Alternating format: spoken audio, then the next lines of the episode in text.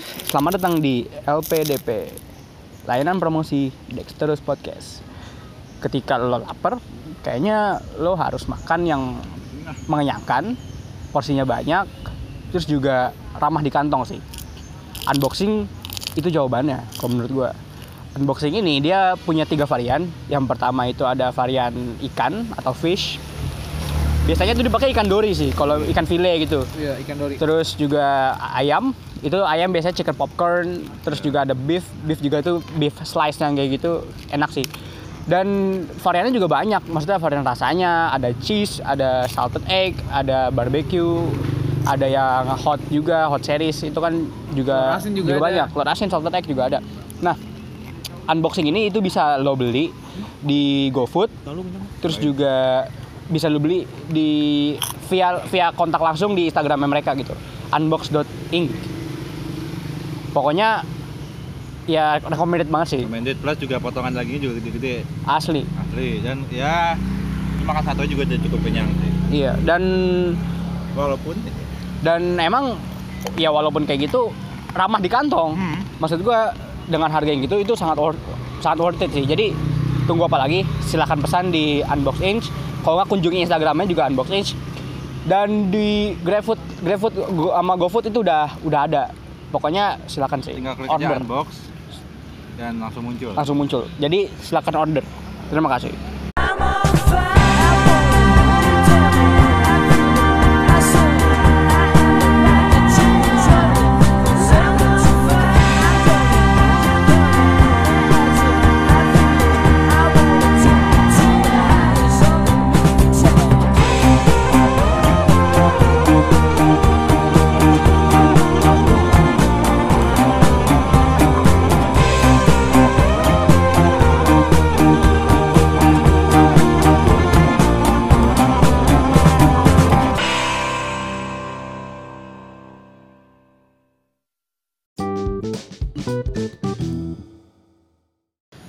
Selamat datang di Dexter's Podcast. Kembali lagi di series Deck X Talk Yang membahas mengenai politik dan sosial. Kali ini eh, gua Deka Bersama partner gua seperti biasa Ada Rossi Aldino Terus juga ada Iqbal Maulana Yang akan membahas mengenai eh, kudeta Atau apa sih kalau bahasa Prancis? Coup, coup d'etat. Coup d'etat. Kan kalau misalnya Kalau kita anak HI Eh gue bukan men- menasbihkan gua sebagai anak HI ya. A- HI Kepentingan nasional itu bahasa Prancis ada raison d'etat Nah, kalau kudeta itu coup d'etat gitu. Cuman gue nggak tahu sih pronounce kayak gimana. Yang jelas ini kita karena kudeta ini kita berada di Naipidau. Bidau, Naipidau.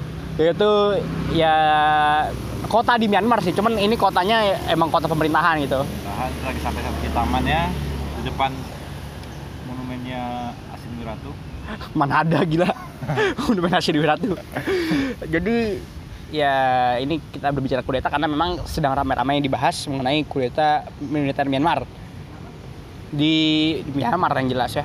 Karena Aung San Suu Kyi itu sama leader-leader yang lain itu ditangkap sama pemerintah Myanmar karena ada terkait dengan kecurangan pada pem- pem- pemilu tahun 2020 dari partai NLD yaitu apa sih kepanjangannya? Gue lupa dan ini menjadi perbincangan di, di kawasan ASEAN ataupun kawasan internasional lain gitu jadi akan kita bahas ini Eh, langsung aja ke pembahasan ya pertama menurut lu bal ya menurut lu kudeta itu apa sih Kudeta itu kalau menurut gue sih eh, menggulingkan kekuasaan eh, Yang sah. Yang sah. Eh, seperti kayak yang terjadi di Myanmar yang sekarang sedang ad- terjadi kudeta presiden siapa namanya? presidennya gue lupa namanya Win Win pokoknya leadernya namanya Aung San Suu Kyi Oh iya Aung San Suu Kyi. Nah, dan dikudeta oleh Aung para para TNI-TNI-nya ini. Nah, dan juga pada TNI PNI ya Indonesia dong Oh iya TNI. TNM TNM para tentara-tentara Myanmar. TMM. Nah, maka dari itu eh apa tuh kudeta ini sebenarnya udah terjadi pun cukup lama. Bahkan di zamannya apa namanya di zamannya apa tuh yang Uni So- eh, yang Uni Soviet hampir runtuh pun itu juga karena kudeta para rakyat juga karena eh, melihat bahwa ideologi komunis ini eh, tidak efektif dalam dari segi ekonomi dan lain-lain maka Iya, dari itu oke. kudeta itu ya sebu- sebuah ini sih kemunduran sistem po- apa tuh ke- kemunduran politik di sebuah negara. Oke. Rosi, menurut lu kudeta itu apa, Ros? Secara garis besar aja, kudetanya aja gitu. kudeta ada yang bilang kudeta itu perebutan Ah. bilang penggulingan nah, sebenarnya banyak versi kudeta itu seperti apa cuman kalau kita ri- ring- eh, rangkum di, skala besar ya kudeta itu adalah penggulingan atau penggulingan kekuasaan yang sah pemerintahan yang sah Hmm. Nah, sebenarnya eh, kudeta ini kalau di kalangan orang-orang politik sebenarnya hal-hal yang mungkin wajar karena Yap. ya lumrah lah terjadi di politik gitu cuman kan mungkin kebanyakan orang yang sebagian besar itu belum terpenuhi pendidikannya ya kudeta ini dianggap sebagai hal yang yang yang Asing. ini yang asing plus juga konotasi pasti negatif kudeta Iya. ini nah seperti yang terjadi di Myanmar itu baru-baru ini kan Oke, kalau Myanmar nanti dulu. ya Kita ini bahas kudeta dulu awal. kudeta ini kan sebenarnya masih banyak banget terjadi ya entah mungkin baru-baru ini cuma di, di Asia Tenggara juga ada sebelumnya pemerintahnya juga pernah mengalami yang namanya kudeta Iya. Kayak gitu Ibarat kudeta itu mungkin kalau eh, didefinisikan atau disimpulkan ya kudeta itu merupakan satu hal yang lumrah Hmm. untuk merebut atau menggulingkan kekuasaan yang sah Iya. supaya dia mengkudetanya itu bisa menjalankan roda atau roda pemerintahan sesuai apa yang diinginkan itu. Ya, dan eh, selanjutnya kalau misalnya kita lihat tidak hanya kasus Myanmar kan tadi ada kasus Mesir juga Anwar Sadat. Lagi parade militer my friend. Deder tembak tuh pala. Anwar Sadat terus juga lupa ada juga ada di, di Iran juga pernah kudeta. Iran juga pernah 79 Sembilan. pas Eh, Reza Pahlavi. Reza Pahlavi bukan teman kita ya yang yang bukan teman gue juga. bukan teman gue juga. dan dia bukan teman gue lagi kayaknya. Terus juga ya 79 bener. 79 Reza Pahlavi digulingkan revolusi Syah eh, Ayatullah. Ayatollah Khomeini itu juga menyita banyak perhatian karena 99 juga Soeharto juga dikudeta. 98 98. tujuh pu- tujuh eh, enam enam enam itu Soekarno juga dikudeta. Soekarno dikudeta secara nggak langsung, super semar. Super semar. Semar. Dan kudeta kalau di Indonesia kuda tuli itu, lu tau nggak kuda tuli? Iya. Kudeta 27 Juli. 7 Juli. Itu kan PDI PDI-nya si siapa namanya Supriyadi sama PDI Megawati kan ribut tuh dulu tahun 90-an atau 80-an, gue lupa 90-an sih kayaknya. Dan yang, yang baru-baru ini Peristiwa adalah yang tuli. di Demokrat kan katanya dikudeta Siungkak. oleh lima orang yang katanya ada yang sebagian dari pemerintahan. Iya. Entah itu dia merupakan eh, cara jadi untuk menaikkan popularitas atau gimana kan kita nggak tahu. Iya itu kan berarti sudah menyimpulkan kalau misalnya kudeta ini ya ada kepentingan gitu. Kepentingan. Enggak cuma asal tiba-tiba ini satu pemerintah runtuh, kan enggak. Dan eh, sebenarnya kudeta makar tuh sama nggak sih bang? Kalau menurut gua sih beda sih ya. Makar kan kalau dulu benar, dulu kan kayaknya ada gosip makar, makar, cuman nggak nggak kejadian juga dan Ah. dan yang bikin gosip gue yakin dia ngarangnya kalau terlaluan gitu. Menurut Makar Bang? cuman kalau menurut gue ya dari menurut perspektif gue ya sebagai eh, mahasiswa kalau menurut gue makar itu sama dengan kudeta tuh berbeda ya menurut gue opini gue karena kalau misalkan makar itu istilahnya kita me- menyusun menyusun rencana untuk menggulingkan sedangkan kalau kudeta itu kita sudah menggulingkan pemerintahan yang sah gitu nah dari yang yang pernah gue lihat di Indonesia ini apa namanya makar ini kan memang dijadikan dijadikan alat untuk menjatuhkan lawan politik Hmm. misalkan kayak eh, partai A men, apa tuh organisasi A menjatuhkan bahwa organisasi B ini telah menindaknya seperti makar dan Hmm. lain-lain padahal dalam artian mereka tuh nggak bermaksud seperti itu gitu nah, dengan eh, dengan pernah ada juga gosip bahwa tentang eh, khilafah khilafah itu juga termasuk dengan makar padahal mereka cuman berkata bahwa sistem khilafah ini eh, seperti ini loh padahal mereka nggak ada niat makar nggak ada cuman menjelaskan bagaimana sistem khilafah dan bagaimana Hmm. sistem demokrasi hanya membandingkan tetapi tidak menjatuhkan maka dari itu eh, makar dengan kudeta menurut opini gue itu Dua hal yang berbeda. dua, dua hal berbeda Ya. Menurut lo Ros ya? Ya makar kan tadi itu ke kata Iqbal kan apa namanya hanya sebagai rencana bukan rencana sih. Kalau biasa kudeta kan emang konotasi kita militer. Kalau makar kan belum tentu. Kayak menurut kayak gimana Ros? Ya mungkin pada dari segi perbedaan antara makar dengan kudeta itu sebenarnya ya sama-sama beda sebenarnya mungkin ada mungkin eh, persamaannya juga ada persamaannya juga ada karena ya tujuannya juga sama itu eh, mengganti pemerintahan yang sah Hmm. Cuman kalau dari segi tujuan dan teknisnya itu sedikit berbeda. Iya. gitu karena kalau kudeta itu kan identik dengan kudeta militer. Dari dari dari militer. Misalkan makar ini kan mungkin yang baru-baru ini dikenal kan ya mau digulingkan dengan cara digoyangkan. Hmm. eh itunya apa? Sistem yang ada di di pemerintahan itu. Jadi ya sebenarnya makar ini ya mungkin bisa kita lihat lagi sekarang gitu. Jangan- jarang lagi tapi malah nggak pernah lagi terdengar gitu. Karena mungkin kemarin embel-embel kayak bilang pilpres jadi ya dibikin isu atau menamakan ini ini makar ya biasanya ke pop- dongkrak popularitas popularitas sih cuman Ya. untuk saat ini kalau eh, makar kalau mungkin orang dengan orang menyimpulkan itu kudeta ya khusus di Indonesia sendiri itu ya hanya sebatas omongan aja. Ah, secara teknis itu ya nggak bakal ya. Karena ya Ros menunjukkan Rossi ya gue tuh setuju karena ya makar tuh cuma jadi omongan. Yang berkuasa atas penuh kan lagi ke rakyat dong. Iya. Nah makanya ini ngomong-ngomong ke rakyat lagi nih. Turki 2015 kan gagal tuh. Karena rakyatnya masih sayang sama Erdogan. Dan Fatullah Gulen juga sebagai militer kan dia nggak jelas juga bahkan sampai kabur ke Amerika sekarang. Iya. Itu kan baik, baik lagi ke eh, rakyat itu sendiri. Cuma yang menurut gua yang aneh juga apakah emang 79 Iran itu ketika dikudeta apakah emang rakyat mau gitu? Meng, apa namanya jadi jadi negara Islam gitu kan. Islamic State dulu kan ketika Raja Pahlavi kan sangat sangat apa ya, liberal lah kasarnya. Orang apa tidak di- diwajibkan pakai jilbab orang yang perempuan ya cowok enggak. Masa cowok pakai jilbab? Terus juga apa namanya ya pokoknya berbeda dengan Iran yang wajah Iran sekarang gitu. Kan Iran sekarang wajahnya ya hitam dengan penuh Syiah dengan gitu. apa namanya Ya, baju, kayak gitu. baju yang panjang itu sih namanya apa namanya bu- Gamis. burqa. Suami juga. Burqa. Burko ya lain-lain gitu. Ya itu kan baik baik lagi tuh karena kemauan rakyat. Nah 79 ini gue nggak yakin kalau misalnya ra- rakyat itu pada mau gitu meng- mengikuti aturan Islam menurut aturan Islam mereka gitu Syiah sebagai uh, ayatullah pimpinan ayatullah ayatullah Khomeini bukan bukan ini ya Khamenei ya beda ya Hameni Khamenei apa Khomeini Khomeini Hameni Khamenei Ali Hameni Ali Khamenei. Terus juga ya itu banyak kasus lah. Oke, eh, kita kembali balik lagi ke Myanmar ya. Di Myanmar kan sebenarnya ya kemarin itu ya militer lah. Menurut lu dengan kejadian Myanmar ini kayak gimana sih menurut lu yang lu lihat? Kan tadi kita baru bahas tentang kudetanya. Hmm. Nah, sekarang kita bahas Myanmar nih. kalau menurut gue sih ya Myanmar ini uh, gue ngelihat bahwa kasus ini itu ternyata tidak bisa dipungkiri bahwa militer ini sebagai alat negara yang paling kuat gitu.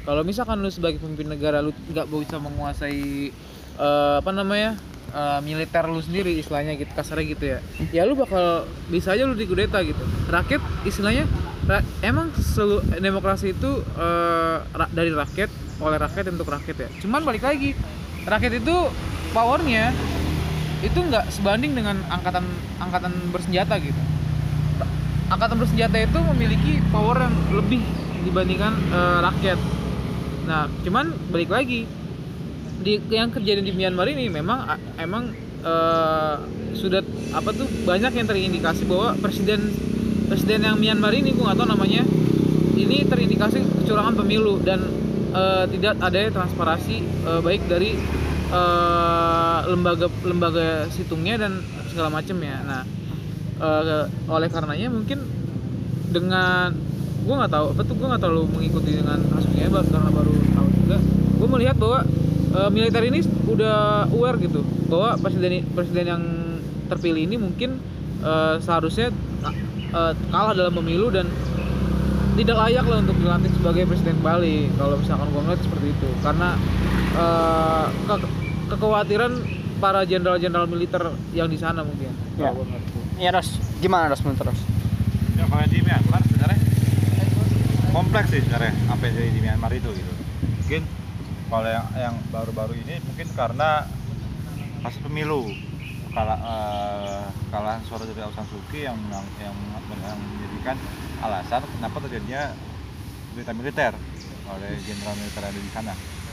Cuman sebenarnya apa yang terjadi di Myanmar ya nggak murni sih hanya sebatas pemilu mungkin orang-orang nilai mungkin eh, ada sangkut pautnya mungkin dengan Rohingya karena kegagalannya dia menjadi pemimpin yang menengahkan ada banyak aspek gitu. Mungkin pemilu eh, sama yang mungkin Rohingya ini juga mungkin jadi aspek yang terbesar Hmm. yang mempengaruhi senyap- kenapa jadinya kudeta militer ini begitu karena dengan plat sebagai pemenang Nobel perdamaian itu bisa dibilang eh, harus dikaji ulang lagi karena apa yang terjadi di Myanmar sekarang ini seperti itu. Ya. Eh, lagipun ya eh, melihat Myanmar juga gitu sebagai negara, ini kan sebenarnya banyak persoalannya. Karena tahun 62 pun Myanmar juga pernah nih kayak gini nih, kudeta militer. Itu perdana, perdana menterinya masih ini, UNU Gunung, yang mewakilkan di ini eh, KTT. KTT 55 ya, Bandung. Bandung. Itu yang mewakili itu UNU dia pada saat itu menjadi perdana menteri dan itu kan eh, banyak juga tuh permasalahannya. Lalu pada di- tahun 2008 itu juga ada konstitusi baru. Bendera Myanmar kan ganti dong. Dulu kan benderanya biru merah, blaugrana. Blaugrana. blaugrana. Terus ada gambar matahari kan. Sekarang kan benderanya merah kuning hijau terus ada Bintang. gambar bintang tengah itu kan melambangkan katanya perdamaian apa apa itu kan sebenarnya di, di tahun 2008 karena ada konstitusi baru yang sebenarnya di konstitusi baru tuh ada kalau negara sedang darurat militer sampai bisa ngambil alih dan itu sebenarnya kalau menurut gue dan itu setahu gue ya nggak nggak cuman di Myanmar doang yang kayak gini loh. Tapi Myanmar dengan kayak gini menurut gue tuh aneh sih. Maksud gue ngapain gitu? Mungkin karena dulu itu kan mungkin namanya bukan Myanmar, belum Burma, ya? Burma. Burma. Yang pernah menjuarai Asian Games dulu katanya kan, yoi dan hampir masuk Piala Dunia. Piala Dunia. Jadi ya benar kata lu gitu, bahwasanya tuh kejadian kudeta militer yang di Myanmar itu sangat nggak masuk akal sih.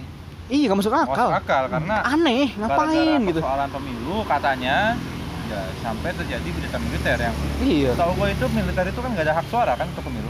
Harusnya nggak ada. Nggak ada. ada tapi Nggak nggak ada. tahu ya konstitusi di Indonesia kan kita nggak ada. institusi negara berbeda-beda kayaknya. Iya jadi seharusnya dan memang nggak- perlu juga tentara seharusnya masuk gini, politik tuh. militer ngapain? itu bisa ngambil alih kalau misalnya darurat. Darurat ya, Ah. bencana alam atau pemimpinnya tiba-tiba mangkat atau bermasalah iya kalau misalnya ada serangan dari luar Jangan di luar. Nah, Iya, kalau jangan ini kalau luar. berbicara aduh ampun dah gue bilang pemilu, ya itu kan pasti ada yang namanya kan ditinjau lagi. iya Masuk ke Mahkamah Konstitusi sana kan mungkin kalau ada. iya mereka punya Supreme Court Supreme bener Court. yang tertinggi ngomong Mahkamah Agung tuh eh konstitusi ya kemarin di Mahkamah Agung tuh rame banget tuh depan Iya. ada ini tes hakim agung Terus Hakim Agung. Terus juga ya Myanmar ini sebenarnya kalau kita take look back deh Asia Tenggara deh. Kamboja dulu coy. Pol Pot. Telepon. Wih itu gila. Orang Kamboja banyak yang meninggal. Tulang-tulangnya berserakan di mana-mana. Terus itu kan Pol udah udah menjadi gambaran gitu. Kalau misalnya kudeta ini enggak aduh nggak nggak nggak bagus lah. Nordom Sihanouk sebagai raja kan. Akhirnya Lon Nol datang dengan gebrakan baru bahwa tidak ada lagi kerajaan di Kamboja. Akhirnya Pol Pot dengan kamar merah tuh komunis berantem sama Vietnam oh Vietnam ya? ribut banyak tumpah pertumpahan darah jadi perang saudara kan kita nggak mau. Apalagi di Asia, Asia Tenggara kan lagi panas coy asal tahu. Di Malaysia kemarin ada lucu banget jadi Sultan Johor tau kan yang punya JDT Hmm. dia tuh lagi Q&A di Instagram yang Insta story apa namanya? Kalau lu punya duit lu bakal kalau lu kaya lu mau ngapain? Ya dia udah kaya. Gue bakal beli Malaysia. Terus gue bakal jadi negara Johor. Aja gue jadi ya Johor. Dia tuh nggak mau dibilang orang Malaysia cuy. Oh, orang Johor. orang Johor. Gue gila dia orang ini udah. Cuma keren sih top. Terus di Thailand. Ada iya Thailand. Thailand ribut kan? Iya Thailand ribut. Raja Eh, raja. Iya rajanya itu. Kan kasusnya itu kan eh, ada permaisuri baru di raja. ya pokoknya inkonstitusional lah. Nasional. apa kerajaan tuh. Dan rajanya itu lebih banyak di, di Jerman daripada di Thailand. siapa namanya? Oh ini. Fajrinal. Maha Nah, rajanya Hongkong. Nah makanya kan ini gue bingung nih rajanya Thailand sekarang ya gue karena teman kita orang Thailand ya. Thailand. Jadi menur- menurut gue ya memang tindakannya sekarang udah udah kelewatan sih karena gue baca-baca tuh banyak wartawan-wartawan kena inilah kena apa namanya desakan-desakan yang Eksekusi mungkin. Be- bener kayak gitu-gitu. Makanya kemarin demonya kan uh, gede banget. bahkan ditangkap tangkepin Iya siapa nama ininya? Perdana Menteri ya? Prayut. yang yang perempuan. Prayut, Prayut. Kan sebelumnya ini siapa? Taksin Sinawatra yang punya Manchester City. Kalau sekarang itu yang perempuan masalah yang masalah dia Ini Prayut, Prayut siapa? Hasil tani yang sana. Iya. Dalam negeri kan. Hmm. Nah, terus ngomong-ngomong petani juga di India sekarang petani wah lagi pada pusing ini. Karena Perdana Menteri juga. Pokoknya sekarang ini politik dunianya sebenarnya lagi panas slightly. Di panas. Tinggal kita juga sebenarnya panas nggak sih di Indonesia menurut lo? Panas. panas Panasnya sekarang? Panas ya, gara-gara satu partai yang katanya di kudeta itu. Kalau Iya. isu nasional apa gitu? isu nasional tentang Kayak mungkin Indonesia Vaksin itu ya? lebih Vaks. ke vaksin ataupun wakaf juga wakaf uang Iya. bencana kan juga sekarang ini. Oh iya, lagi bencana terus ya mudah-mudahan segera diangkat. Sebenarnya kalau kita tuh lebih lebih bukan cuman masalah politik juga, masalah sosial pun kita banyak. Iya. Maka dari itu pemerintah dan persepak bolaan yang belum jelas juga. Nah, kita kembali ke Myanmar, Ah. udah sepak bola Indonesia karena udah nggak jelas. Ke kembali ke Myanmar, ya memang sebenarnya ini bisa jadi pelajaran juga sih. Ini gue sebenarnya gue gue tuh nggak suka kayak gini. Ada peristiwa di luar, ini menjadi pelajaran bagi kita. Ada peristiwa di luar, ini pelajaran bagi kita. Ya nggak boleh kayak gitu. Ya boleh Ya sih. bu, gini loh, oke kita jadi pelajaran bagi kita, tapi dilakuin. iya. Tapi Ini- ini ya. tapi malah nggak jelas nggak gitu. Jelas. Nah ini kan sebenarnya eh, bukan pelajaran sih. Kita harus juga melihat kalau misalnya ya memang kembali lagi gitu kekuasaan tertinggi ada di tangan rakyat, bukan di tangan pemer- pemerintah, bukan di tangan militer lah. Bukan di tangan Menteri Perekonomi, koordinator kah? Eh, Iya makanya segala itu ada, ada di tangan rakyat. Jadi ya menurut gua apa pun itu semoga kejadian di Myanmar ini eh, Selesai. cepat selesai lah. Selesai. Maksudnya tetap kembali normal gitu. Gue tuh gue gue benci. Gue benci sama Aung San Suu Kyi. Apa namanya benci karena ya respon dia terhadap Rohingya gitu. Iya. Cuman gue lebih benci lagi sama kudeta militer cuy.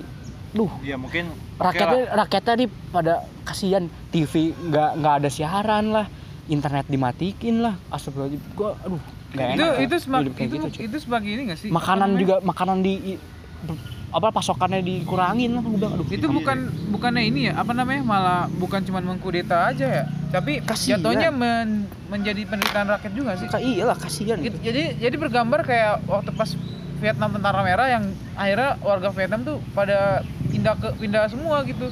Kan lu tahu kan kampung Vietnam dulu tuh yang kata di deket itu gara- gara-gara konflik negara Vietnam tuh perang saudara. Nah takut takutnya kan Myanmar ini bisa kemungkinan bisa kayak gitu juga karena militernya ini mempunyai eh, keegoisan yang sangat egois gitu. Iya emang militer.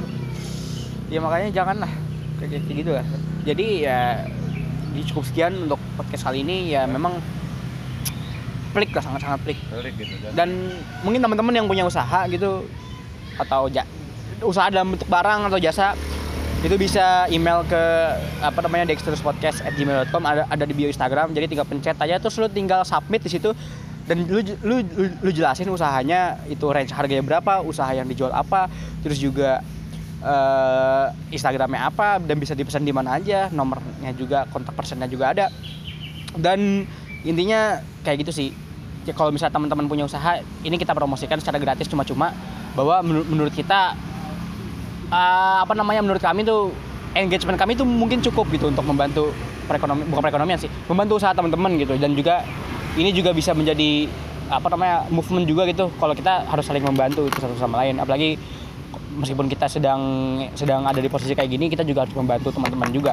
Dan selain itu juga teman-teman yang punya ide tulisan gitu entah itu tentang sepak bola dan politik itu bisa teman-teman juga kirim tulisan teman-teman. Ya memang ya kita belum bisa bayar gitu. Karena ya memang sih kalau kami itu punya pemasukan mungkin satu pertulisan itu suatu saat akan kami bayar gitu pertulisan. Karena gue tuh gue tuh gue ya gue tuh pengen ekosistem bola di Indonesia gitu. Politik ya sesuai gitu.